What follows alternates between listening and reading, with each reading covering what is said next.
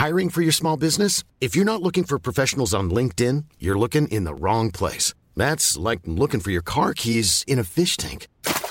LinkedIn helps you hire professionals you can't find anywhere else, even those who aren't actively searching for a new job but might be open to the perfect role. In a given month, over 70% of LinkedIn users don't even visit other leading job sites. So start looking in the right place. With LinkedIn, you can hire professionals like a professional. Post your free job on linkedin.com slash people today.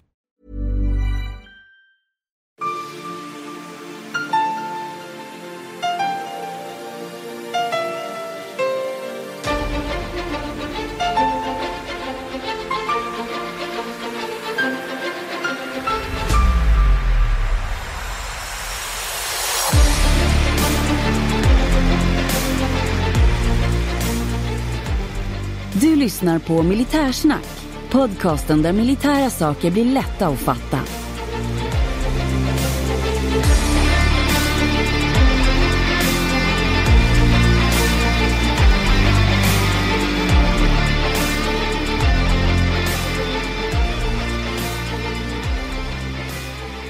Ja, då har jag den stora glädjen att återigen få uttala dessa ord efter en lång paus. Och välkomna er till ett nytt avsnitt av Militärsnack. Och idag ska vi prata om Indelningsverket. Och jag som talar heter Henning Svedberg och i andra änden linan sitter Löjtnant Andersson. Du är så välkommen löjtnant. Tack så mycket. Ja, har det hänt någonting sen sist? Det är väl min första fråga. Ja, jo det har det väl gjort. Du pratar om en lång väntan och det är ju den är ju imaginär så att säga. Ja. det, det handlar väl om att eh, en lång väntan på att vi ska få ett ordinarie avsnitt. Vi har ju kört våran valpodd här nu i tre veckor. Mm, precis. Eh, så, så för lyssnarna så har det ju varit, om man har lyssnat på allt så har det ju varit väldigt intensivt. Då har man ju haft tre avsnitt i veckan i tre veckor. Ja, precis. Men, Men, vi har eh, inte gjort några eh, eh, basavsnitt utan vi har bara gjort politik. Ja, precis. Jo, och sen är det ju så här att det kan ha varit en lång tid för den som, som längtat efter att höra oss sitta och köta. För eh, eh, många hör av sig om det och de tycker ju faktiskt att de tycker att det är ganska, ganska härligt att höra när vi sitter och pratar och spekulerar. Ja, Av någon jätte eh, outgrundlig anledning så, så verkar det ju förefalla så att, eh, att det är trevligt att lyssna på oss. Så kanske det kan vara. Jag drog nästan en slutsats där att du skulle komma till att jag längtar efter att höra min egen röst Ja, men jag lyssnar väldigt sällan på, på, på vad vi på mig. på, på, på vad vi har spelat in faktiskt. Mm, så kan det vara. Så kan det vara. Så kan det vara. Ehm, jag vet att vi idag fick ett mejl. Ska du läsa det? Mm, det ska jag göra. Ja, då är det David Martinsson som har skrivit in till oss och han skriver så här. Mm. Tjena! Jag har nyss hittat eran podd. Mycket spännande och bra. Men jag har inte lyssnat på alla avsnitt ännu. Jag har en kort fråga. Inte det lättaste att svara på. Det finns ju olika sorters plan till olika sorters uppdrag. Men vilket stridsflygplan är det bästa enligt er? Är. JAS... Ja, då var du färdig med den frågan. Eh, eh, är JAS i toppen? Med vänliga hälsningar David Martinsson. Och det här ska vi väl kunna ta oss an. eh, Mm. Det, det, är ju, det är ju frågor som inte går att svara på, men, men vi gör det i alla fall. Och eh, du vet ju att jag nämnde för länge sedan om att eh, vid en övning mot Norge så hade JAS då slagit ut 15 F16 mot att förlora ett. Och det Mm. gör ju rent tekniskt utifrån de förutsättningarna JAS till en riktig vinnare. Mm, just där och då. Exakt, och precis som, eh, som David säger så, så är det ju en svår fråga att svara på. så Men eh, jag som då är flygfantomen av oss två tar ju då mig friheten att försöka svara på det mest resonerande kanske. Och vi får väl ta det utifrån var vi är och var vi står för att eh, men jag säger A10 då, det är ett jättebra attackflygplan. Nu är det ju så att våra förutsättningar är ju de de är och därför har man tagit fram JAS. och JAS har visat sig vara enormt jäkla skitbra. Så det är möjligt att kanske F35 eller något annat är eh, lika bra, bättre eller någonting, men eh, jag, får, jag får fegsvara och säga att jag tycker att JAS är ju det optimala. Mm. Ja, men jag är beredd att hålla med med min, eh, de kunskaper jag har om, alltså vi har ju alltid haft väldigt, eller inte alltid, men senare tid en väldigt bra flygplan. Eh, Viggen var också bra, Draken var också bra, Lansen var bra och så vidare på det de skulle göra och under de förhållandena de skulle verka, det vill säga mm. försvara Sverige. Ja. Sen ska man ju lägga i vågskålen också att det är inte så många länder i världen som faktiskt tillverkar flygplan som fungerar. Nej, och det är ju jättesant. Och, och då är ju vi, ja, men det är några stycken eh, stora länder i världen, jag vet inte, eh, taget ur luften, men det är ju USA, England, eh, Frankrike, Tyskland, Ryssland typ och sen är det vi. Mm. Det här lilla landet tillverkar ju enormt bra stridsflygplan. Och då kan man ju tänka, men ja, vi har inte sålt till så många. Ja, men det är ju några stycken här. Eh, Brasilien, Österrike, Thailand, eh, Sydafrika. Är det något mer på raka arm?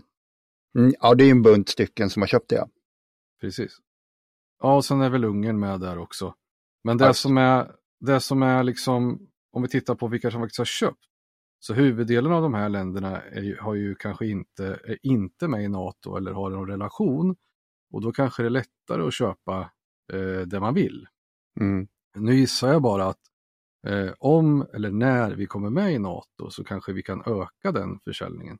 Så att, att de inte exporterade så mycket betyder ju inte att de nödvändigtvis är dåliga. Utan eh, det betyder kanske att man, man är med i en försvarsallians, att man köper materiell inom alliansen snarare, tror jag. Mm. Jag gissar att eh, utan en fullständig insyn att det är handelskrav mot prestationer som är grejen. Och då kanske de här länderna kunde ha valt Sverige för att de inte har så mycket att trada med USA på, på, eh, på annat. Gissning, spekulation. Mm. Så kan det också vara. Men eh, säg att vi hade varit med i NATO från, från start, slutet 40-tal, då kanske vi hade stått för eh, huvuddelen av flygplansproduktionen. Men det är ju bara spekulativt. Just mm. Jag kan tänka mig att Norge och Finland och Danmark som har liknande förutsättningar som oss, det nordiska klimatet och så vidare och eh, samma krav på att kunna vägbasera korta eh, eh, start och landning och så vidare, att de gärna hade haft JAS, men de kanske ja. inte har kunnat ha JAS. Nej, nej. Men eh, när vi ändå pratar om det, om du får dra vilket flygplan du vill då? Eh, det blir en sån vad skulle du? Den ska vara på slutet egentligen, men vi kan ta den nu eftersom du älskar flygplan. Mm. Du får säga ett då och det behöver inte vara JAS-spekulativt och svenskt utan du får ta ett flygplan bara, vilket är det bästa. Och det kan vara det bästa för sin tid. Mm. Jag tror nog att eh, kombinationen av Rolls-Royce Merlin, flygmotorn från England, med eh, North American P51 som blev Mustangen där, eh, då i den tiden var i numerär, vilket är en styrka, en kvalitet. Eh, det var i beväpning väldigt bra. Eh, det kunde bära en hel del och kunde lösa väldigt många uppgifter. Det var framförallt väldigt vackert och lät fruktansvärt bra. Så att eh, genom tidernas bästa slash favorit blir just P51 D Mustangen i svenska färger, vilket gör J26, vilket åter knyter oss in till svenska flygvapnet. Mm. Då hoppas vi att eh, David har fått svar på sin eh, fråga, om en väldigt spekulativt, men det var det han, han bad oss att göra. ja, precis. Eh, vi är ju inte här för att prata Mustanger utan vi har ju faktiskt en veckodag att tänka på. Det är fredag löjtnant, vad har du i glaset? Jajamensan. Eh, idag så, ja, man anar ofta lite teman, men eh, jag har ju pratat om att jag drack eh, öl från eh, Sälens fjällbryggeri. Du kommer ihåg den här folkölen? Just, fjällfolk. Jättegod. Fjällfolk, väldigt god folköl. Och, ja, du har testat den nu? Ja, ja visst, den var ju mm. fantastisk i min värld. Helt fantastisk. Och då ska vi mm. säga att Fjällfolk, den finns på Lidl. Ja, mm. sist så sa jag livsmedelsbutiker, men Lidl, där finns Fjällfolk. Det är Men, Lidl som Sälens... på våg. Ja, fyra bokstäver. Lidl. Mm. och Sälens fjällbryggeri gör givetvis annan öl och eh, de har en som finns på Systembolaget som heter Fjälldimma. Och eh, Fjälldimma är jätte, jätte, jättegod. Låt mig gissa är... ofiltrerad. Ja, den är i alla fall ljus och grumlig. Mm, precis. Mm. Härligt. Eh, fjälldimman ligger på 6,6 procent, vilket är precis lagom. Ja. Och eh, det är en ale och eh, det är en New England Hazy IPA. Mm. Och eh, precis som du gissade här på grund av namnet dimma så är den, eh, den är grumlig. Mm. Eh, ljus, grumlig, men så väldigt, väldigt god. Den, eh, jag skulle säga att det är en av de bättre öl jag har druckit. Den är mm, väldigt, väldigt len först och eh, lite, ja men tänk dig att du dricker en Hogarden eller någonting. Lite, lite så citrus och lite len och lite veteaktig. Men sen har du ändå en angenäm beska som kommer på slutet och trycker till. Mm. Eh, lite sådär utomeuropeiskt humle, alltså IPA-aktigt eh, som Ja, du gillar. Ja, Men eh, ja, fjälldimma Fjälldimma. helt enkelt. Och då kommer motfrågan, vad har du själv i koppen? Jo, jag har snubblat på en eh, lager från Sollentuna. Den är lokal och det går väl förmodligen att beställa men Helene Lund lager finns på mitt systembolag i Sollentuna Rotebro. Och den kostar 28 spänn. Den ligger på 4,8 procent och det roliga med den, det här är det att när jag försöker ta mig ut ifrån IPA-träsket och det humletäta eh, ölträsket så tänkte jag då att mikrobryggeriers lager, det är någonting jag gillar. För bara en ljus lager tycker jag är rätt tråkigt normalt, men det finns många skitbra. Och det här är en av dem, för den här är som Systembolaget säger, maltig, något humlearomatisk smak med inslag av apelsinskal, aprikos, vita blommor, honung och knäckebröd. Och jag håller med, men här är det faktiskt mycket humlearomatisk i min smak, för jag trodde att det var en IPA liksom, när, när, när jag mötte näsa och mun första smakprovet. Riktigt bra. Mm. Ja, men det går ju, det är det här utomeuropeiska humlet du kan få de här, den här riktiga eh, IPA-väskan av. Mm. Därmed inte Ja. sagt vad jag vet att vad, vad de använder för humle i just den ölen, men jag skulle gissa. mm, mm. Ja, du ska prata om något som heter Indelningsverket som jag nog inte överhuvudtaget visste vad det var för någonting innan du började prata om det. Berätta. Mm. Det var ett långt intro och eh, som sagt Indelningsverket. Och eh, vi ska berätta vad det är först. Och Mm. eh, Indelningsverket det är ju egentligen hur man personalförsörjde armén, flottan, eh, inte flygvapnet, för det fanns inte. Utan hur man, eh, hur man personalförsörjde sin krigsmakt eller försvarsmakt innan värnpliktssystemet. Okej. Så att eh, vi ska in innan eh, 1901 egentligen, för då eh, satte sista spiken i kistan på det här eh, systemet som jag kommer att prata om. Mm. Soldattorp, kommer det in i det här? Soldattorp kommer definitivt komma in. Kul. Ryggraden i systemet. Det är ett sånt jag Ja. bor i. Ja, okej. Då måste vi ta reda på lite historik runt det. Men troligtvis så tillhör ditt soldattorp eh, Upplands regemente och eh, något kompani med ett ortsnamn nära dig. Skulle jag tro. Mm. Och histo- historiken då, redan från början. Vi, vi går tillbaks i alla fall så långt så att vi går tillbaks till 1200-tal. Och eh, på 1200-talet Mm. så eh, 1280 då kom det en stadga som hette Alnö stadga. Och eh, den innebar egentligen att eh, den som kunde sätta upp en ryttare med häst och utrustning kunde få så kallat frälse och det innebär skattebefrielse egentligen. Mm. Och eh, det var ju främst rik, redan rika människor som kunde göra det här.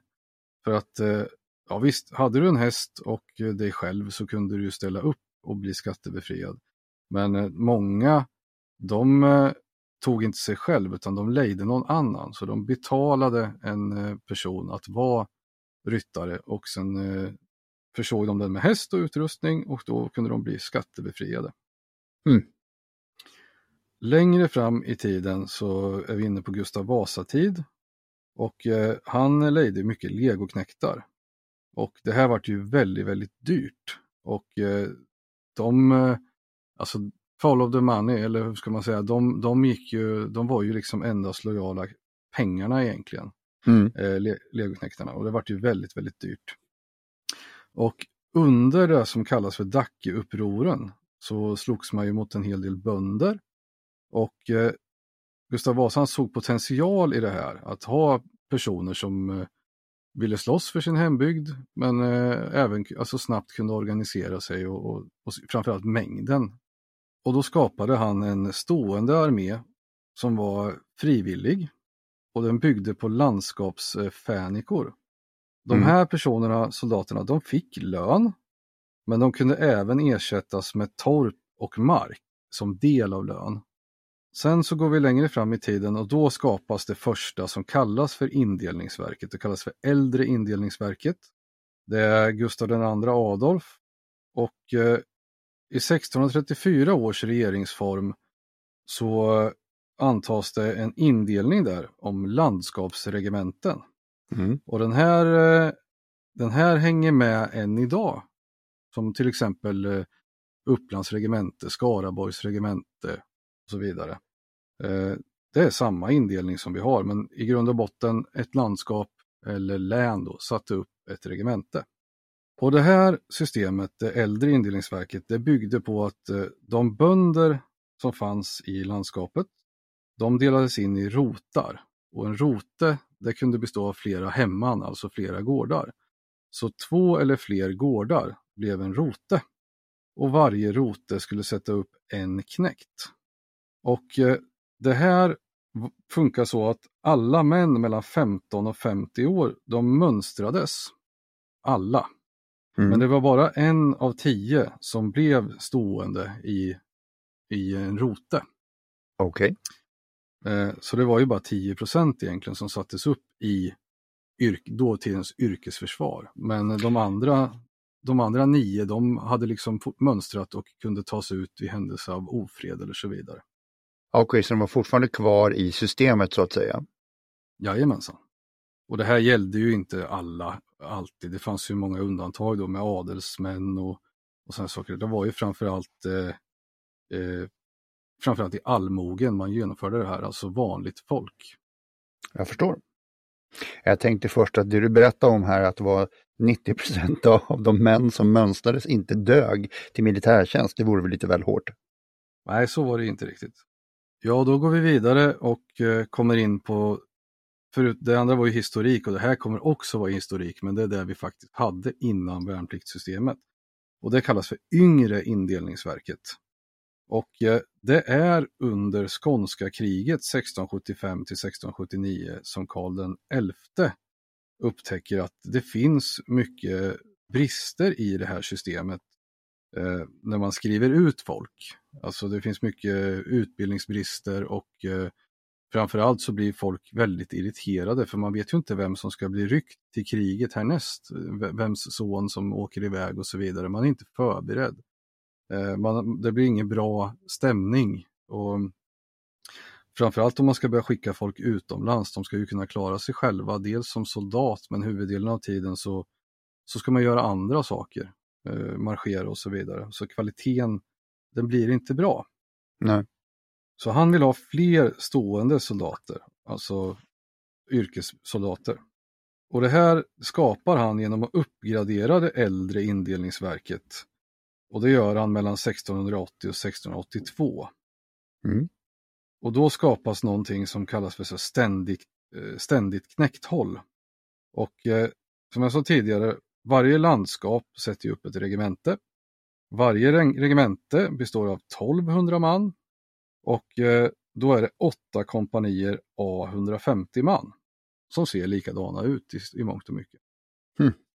Och de här eh, regementena de heter ju oftast då till exempel eh, Smålands regemente. Eller vi kan ta som, jag kommer komma till Raskens säng. Han, han, filmen Raskens, han tjänstgör vid Kungliga Kalmar regemente Konga Okej, Okej. Och det, det, är, det är ett sånt här kompani på 150 man. Jag tror till och med att det är åttonde kompaniet som är Konga kompani. Och det är ju Konga härad.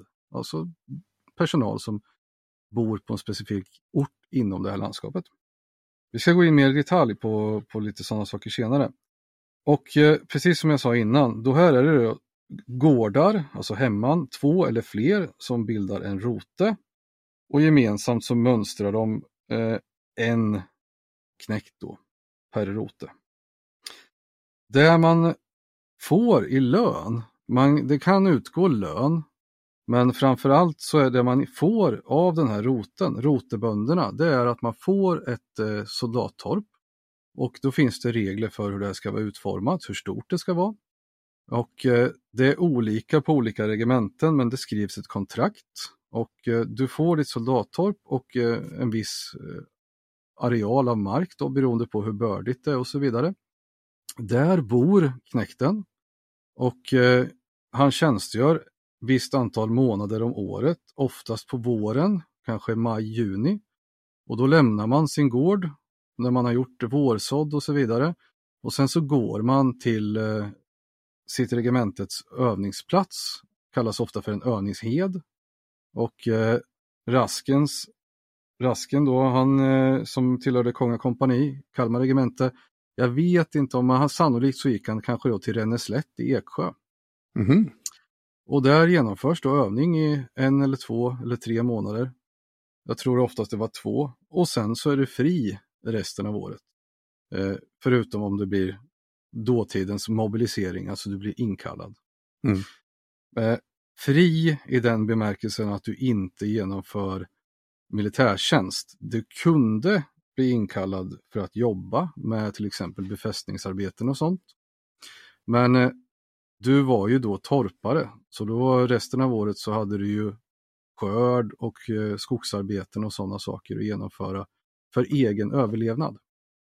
Så de var alltså inte skyldiga att eh, producera grödor till staten? Nej, utan snarare tvärtom att i kontrakterna så stod det ju då att du skulle ha ditt torp, du skulle ha din mark och så fick du en viss lön. Sen kunde det vara inskrivet då att rotebönderna skulle, och det var väldigt detaljerat vad de skulle ge dig. Eh, Det kunde vara till exempel eh, åtta skeppor kornutsäde och det var ju Mm. för att du skulle kunna odla ditt korn och sen så kunde det ingå eh, en mjölnarskjuts till exempel för att du skulle kunna mala till mjöl. Det kunde ingå eh, en hästkurs eh, till kyrkan per år. Du skulle ju till kyrkan varje söndag, då kunde du få eh, kvittera ut den till exempel på runt jul om du ville åka. Och så det ingick ju sådana saker för att knäkten skulle kunna överleva och Mm. vara torpare och producera sitt eget. Och det här var ju ofta, ofta infanteri, det är därför jag har pratat om, om knäktarna här, men det här gällde även båtsmän, alltså flottans eh, eh, delar av, att det fanns, fanns liknande system i, i skärgårdsmiljön då med, eh, med ständiga knäkthållet. Det som är lite annorlunda är eh, kavalleriet. Kavalleriet fortsatte lite grann som eh, med systemet med frälse, alltså skattebefrielse.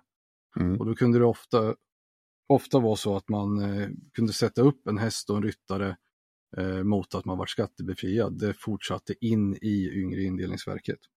Och sen eh, givetvis så fanns det officerare i det här systemet som var anställda. Och de hade också eh, olika, eh, men då av staten erhållna byggnader, till exempel ett eh, löjtnantsboställe eller ett kaptensboställe som skulle vara utformat på ett speciellt sätt och en speciell storlek. I vissa fall kunde det även vara så att det fick olika färg, alltså en, en fänrik han kanske inte fick någon färg, en löjtnant kanske fick eh, vita knutar och en kapten kanske rött med vita knutar och majoren kanske även fick eh, färg på fönsterbågar och sådana saker. Ja. Något privilegium ska man ju ha. It's that time of the year. Your vacation is coming up. You can already hear the beach waves, feel the warm breeze, relax, and think about work. You really, really want it all to work out while you're away. Monday.com gives you and the team that peace of mind. When all work is on one platform and everyone's in sync, things just flow wherever you are. Tap the banner to go to Monday.com. Hiring for your small business? If you're not looking for professionals on LinkedIn, you're looking in the wrong place. That's like looking for your car keys in a fish tank. LinkedIn helps you hire professionals you can't find anywhere else, even those who aren't actively searching for a new job but might be open to the perfect role. In a given month, over 70% of LinkedIn users don't even visit other leading job sites. So start looking in the right place. With LinkedIn, you can hire professionals like a professional. Post your free job on linkedin.com slash people today. Jajamensan. Och allting det här, det genomfördes då generalmönstring vart tredje år där man tittade över kvaliteten på förband och sådana saker men även gen, gick eh, torpsyn där krigsmakten, försvarsmakten eller dåvarande staten eh, gjorde en torpsyn på torpen. Och det här var ju mycket för att eh, stötta soldaterna egentligen och se till att rotebönderna har gjort sitt. Eh, är det i det skick som, som det ska vara och så vidare. För Det är klart att många hade det tufft på den här tiden, även bönderna. Och de var väl inte jätte, jättesugna på att liksom spendera allt för mycket av sitt kapital och, och förråd och sånt på den här knäkten, men de var ju tvungna. Mm. Och vilka var det som blev knäckta? Det var ju ofta folk som kanske jobbade som drängar eller annat för att bondens egen son eh, skulle ju sannolikt ta över gården. Så man skickade ju helst inte sina egna, egna söner utan man försökte ju få en knäckt utifrån. Jo, men det där med att man inte skickar sina egna söner, det känns väl som att det sånt finns väl en, nästan en, ens eh, nu idag också. Att eh, man, är, Jo. man är rädd om sina e egna grabbar så att säga. Jo, det är klart att det finns historiska exempel på det. Eh, där man, den som kan betala sig ur gör det. Och det är ju också styrkan med värnplikt, vilket vi har idag. Var det något speciellt exempel du tänkte på? Nej, men det där var väl något som jag fiskar någonstans bak i huvudet från Vietnam, att det var vissa politikers söner och sånt som istället var på universitet och befriades från, från tjänstgöring. Ja, och sen så precis. är det väl så också att idag i Ryssland så är väl stö större delen av krigarna man hittar tar man från eh, östra Ryssland och eh, istället för grabbarna från eh, Moskva och Sankt Petersburg. Ja, precis. Jo, så är det ju. Ja, och slutligen då så togs det beslut 1873 om att det här skulle läggas ner och ersättas av värnplikt. Och 1901 så är, är det fullständigt nedlagt. Men som indelt knäckt så hade du rätt att fortsätta att, eh, att vara det. Eh, och det här kommer ju förvåna, det förvånade mig. För jag, Mhm. visste att, jag visste att några fanns kvar för att eh, min far pratade bland annat om det att när han var liten, och han är född 48, så på 50-talet så berättade han om att det fanns en knäckt här uppe som hette knäkten Vik. Som, cyk, som cyklade in till, till byn och handlade. Och då tänker man, ja, herregud, kan det stämma? Han var inte aktiv knäckt längre, men han hade varit. Ja. Och eh, jag har tagit reda på att den sista indelte knäkten som slutade, eh, han hette Korpral Knut Ramén och han tillhörde I8, eller dåvarande I8, Upplands regemente. Och han var kvar till 1971. Okej. 1971. 1971, född- ja. Han föddes 1880 och det innebär att han kanske vart knäckt någonstans runt 1900, alltså precis innan det skulle läggas ner. Ja. Men eh, med rätten att fortsätta. Och han eh, fortsatte att gå på sina övningar varje år till 1971. Och han avled 73, Åh jäklar. 93 Vilken hjälte. år, 93 år gammal. Så han gick alltså på sina, han inställde sig tills han var 91 år gammal. Ja. Och då kan jag tänka mig att de sista, de sista 30, i alla fall 20 åren så var det nog, ja men eh, nu kommer Knut och då fick han väl komma dit och, och vara där. Jag antar inte att det var särskilt hårda stridsövningar eh, som genomfördes, men han var där. vad Den, roligt. sis, den sista indelte knäkten som eh, gick bort, han gick bort eh, 1983. Okej. han hette Axel Ljung, men han hade dock avslutat sin tjänstgöring redan 1942. Ja, okej. Och som vi sa innan så så pratar jag om Raskens och då kanske folk tänker, vem, vadå Raskens? Ja, det är ju då en, en indelt knäckt som heter Rask för att eh, knäcktnamn är ju också intressant. Eh, han kanske hette någonting helt annat eh, och sen tilldelades man ett namn som Modig är ett typiskt knäcktnamn och, och mm. Rask är ju det. Sådana som beskriver, det finns olika typer av knäcknamn men många av dem beskriver personligheter. Mm. Och sen finns det de som eh, beskriver andra saker också som, som man kan heta, men framförallt många av dem beskriver personligheter. Som, och, och, och det är positiva drag som, som nämns, du heter ju aldrig någonting, någonting negativt. Ja, man kan... Knäckt korpulent, infantil. Ja, men, men, på det, lustigt för den tiden, du kan ju heta lustig. Mm. Då var du förmodligen skämtsam och glad. Ja, jag nämner ju här att de kan vara av olika karaktär. Och oftast är de här knäktnamnen eller soldatnamnen eh, en egenskap som är fördelaktig, precis som du säger då, som mm. rask, villig, frisk, modig och så vidare. Men sen finns det också namn som har ren militär anknytning. Man kan ju mm. heta dolk, lans, sköld. Och sen finns det namn med naturanknytning då som eh, björk, asp, berg, gran och så vidare. Och alla det här det är knäktnamn. Mm. Mm. Och en tredje variant, eller en fjärde variant ska jag säga, det är ju att man anknyter till var soldaten kommer ifrån. Ja, just. Så även ett namn som till exempel Fjällman kan vara ett eh, knäcknamn för att man kommer från fjäll. Mm. Men det här indelningsverket, det indelade då alltså bara i geografiska, det var inte så att de tilldelade olika uppgifts och, och roller som man skulle ha i försvaret? Nej, utan det var ju rent eh, att eh, ett landskap eller län satte upp ett regemente och så vart det ju de här åtta kompanierna och sen beroende på eh, vart det åtta ortsnamn, eller det vart det inte alls. Och sen vart det ju sju ortsnamn ska jag säga för att eh, det första kompaniet heter alltid Livkompaniet. Just. Och eh, det finns också vissa regementen där andra kompaniet hette överstelöjtnantens kompani och tredje hette majorens kompani. Men standard är att första kompaniet är livkompani och sen så heter de ortsnamn. Ja. För på den här tiden måste de ju haft väldigt eh, olika roller ändå. Jag menar det finns ju som sagt grenadjär och det kan vara eh, kavallerist och även inom kavalleriet olika saker. Så att indelningen måste ju ändå ha gjorts på något urval också eh, på det kompani du var. Ja, precis, och hela regementen. Det kan ju vara ett, ett regemente som till exempel här i Linköping eh, så heter det Livgrenadjärregementet. Så det var ju ett grenadjärregemente då.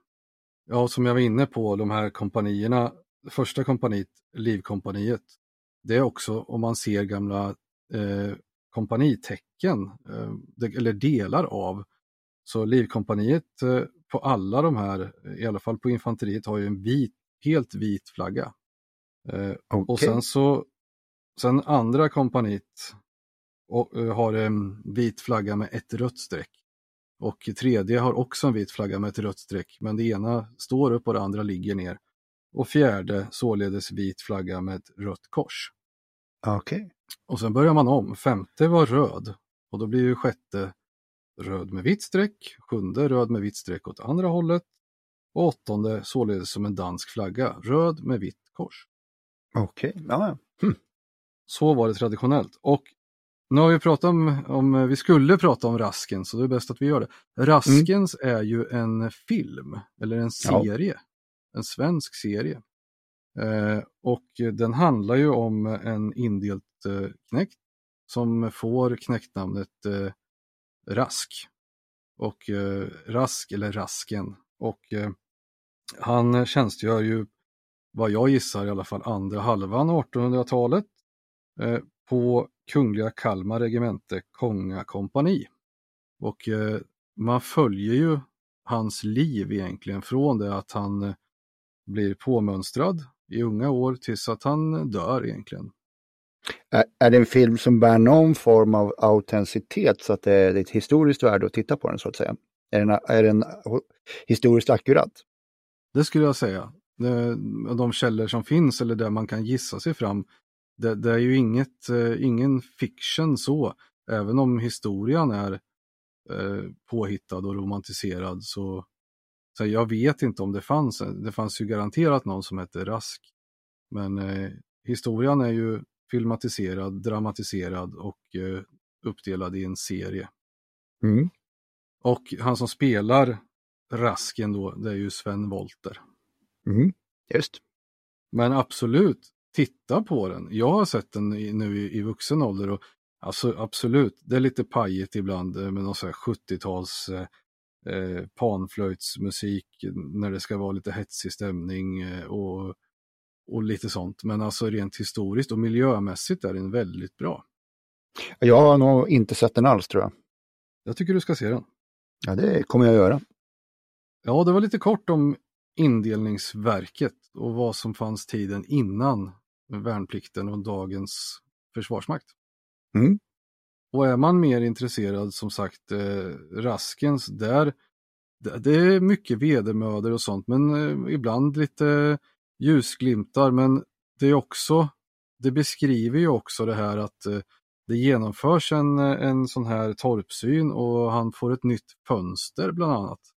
Eh, jag tror att eh, någon som ska lära sig att skriva och då behöver de ha bra ljus och då eh, kaptenen där han stämmer i bäcken och ser till att, att Rask får ett, ett fönster för det ska man Mm. ha. och de, de går även igenom kontraktskrivningen här, vad som ingår och, ja, och så vidare med utsäden och kyrkskjutsar och lån av hästar och, och allt sånt där.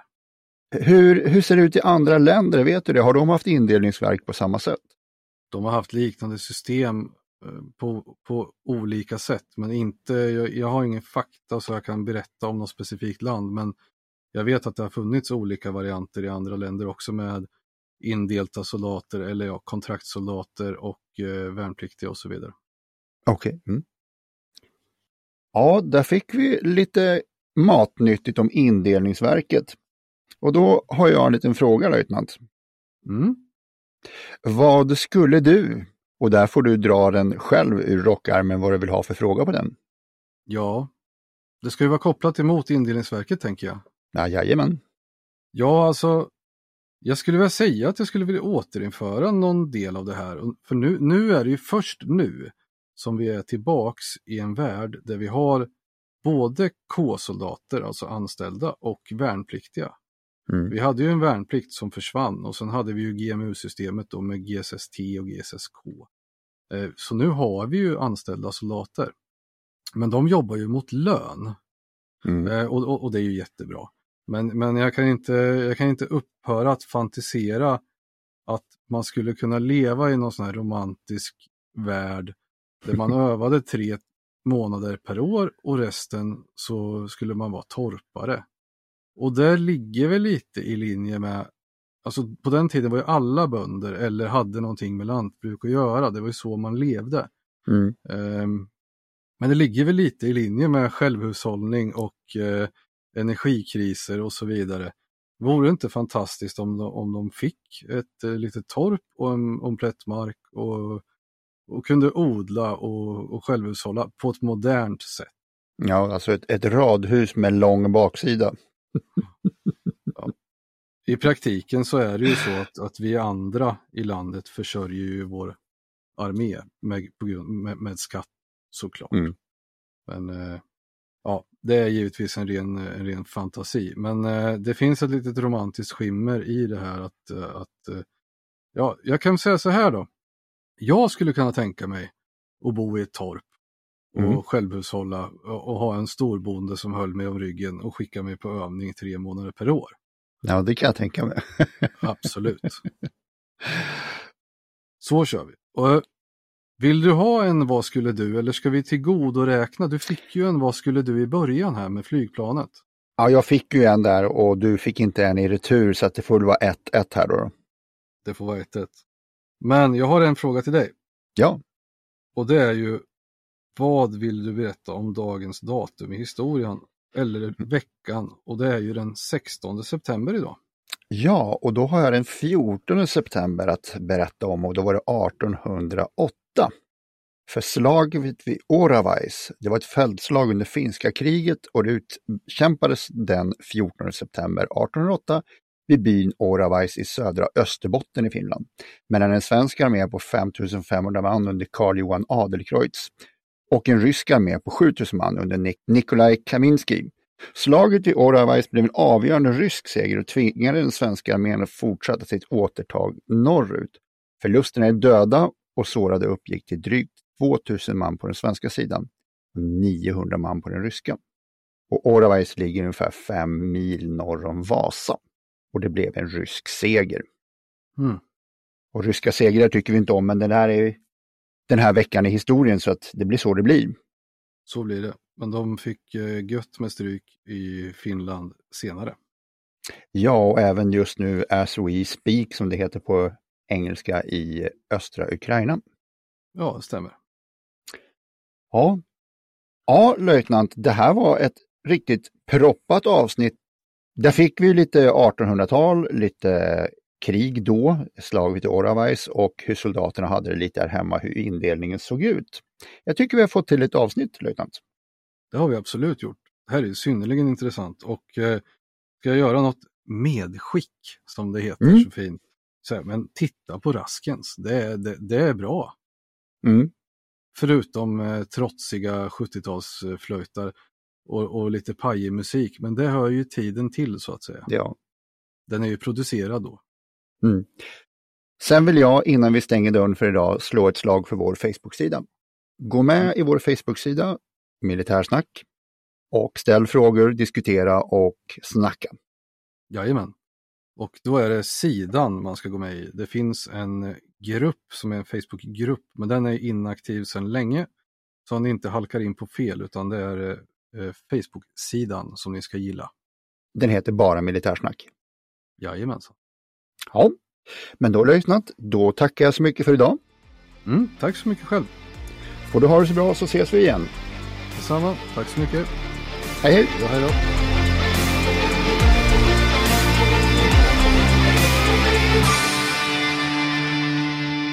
Glöm inte att gilla, dela och gärna prata om vår podd med de vänner du tror skulle gilla den. Tack! Selling a little or a lot? Shopify helps you do your thing however you cha-ching. Shopify is the global commerce platform that helps you sell at every stage of your business. From the launch your online shop stage to the first real life store stage, all the way to the did we just hit a million orders stage. Shopify is there to help you grow. Shopify helps you turn browsers into buyers with the internet's best converting checkout. 36% better on average compared to other leading commerce platforms because businesses that grow grow with Shopify. Get a $1 per month trial period at shopify.com/work. shopify.com/work.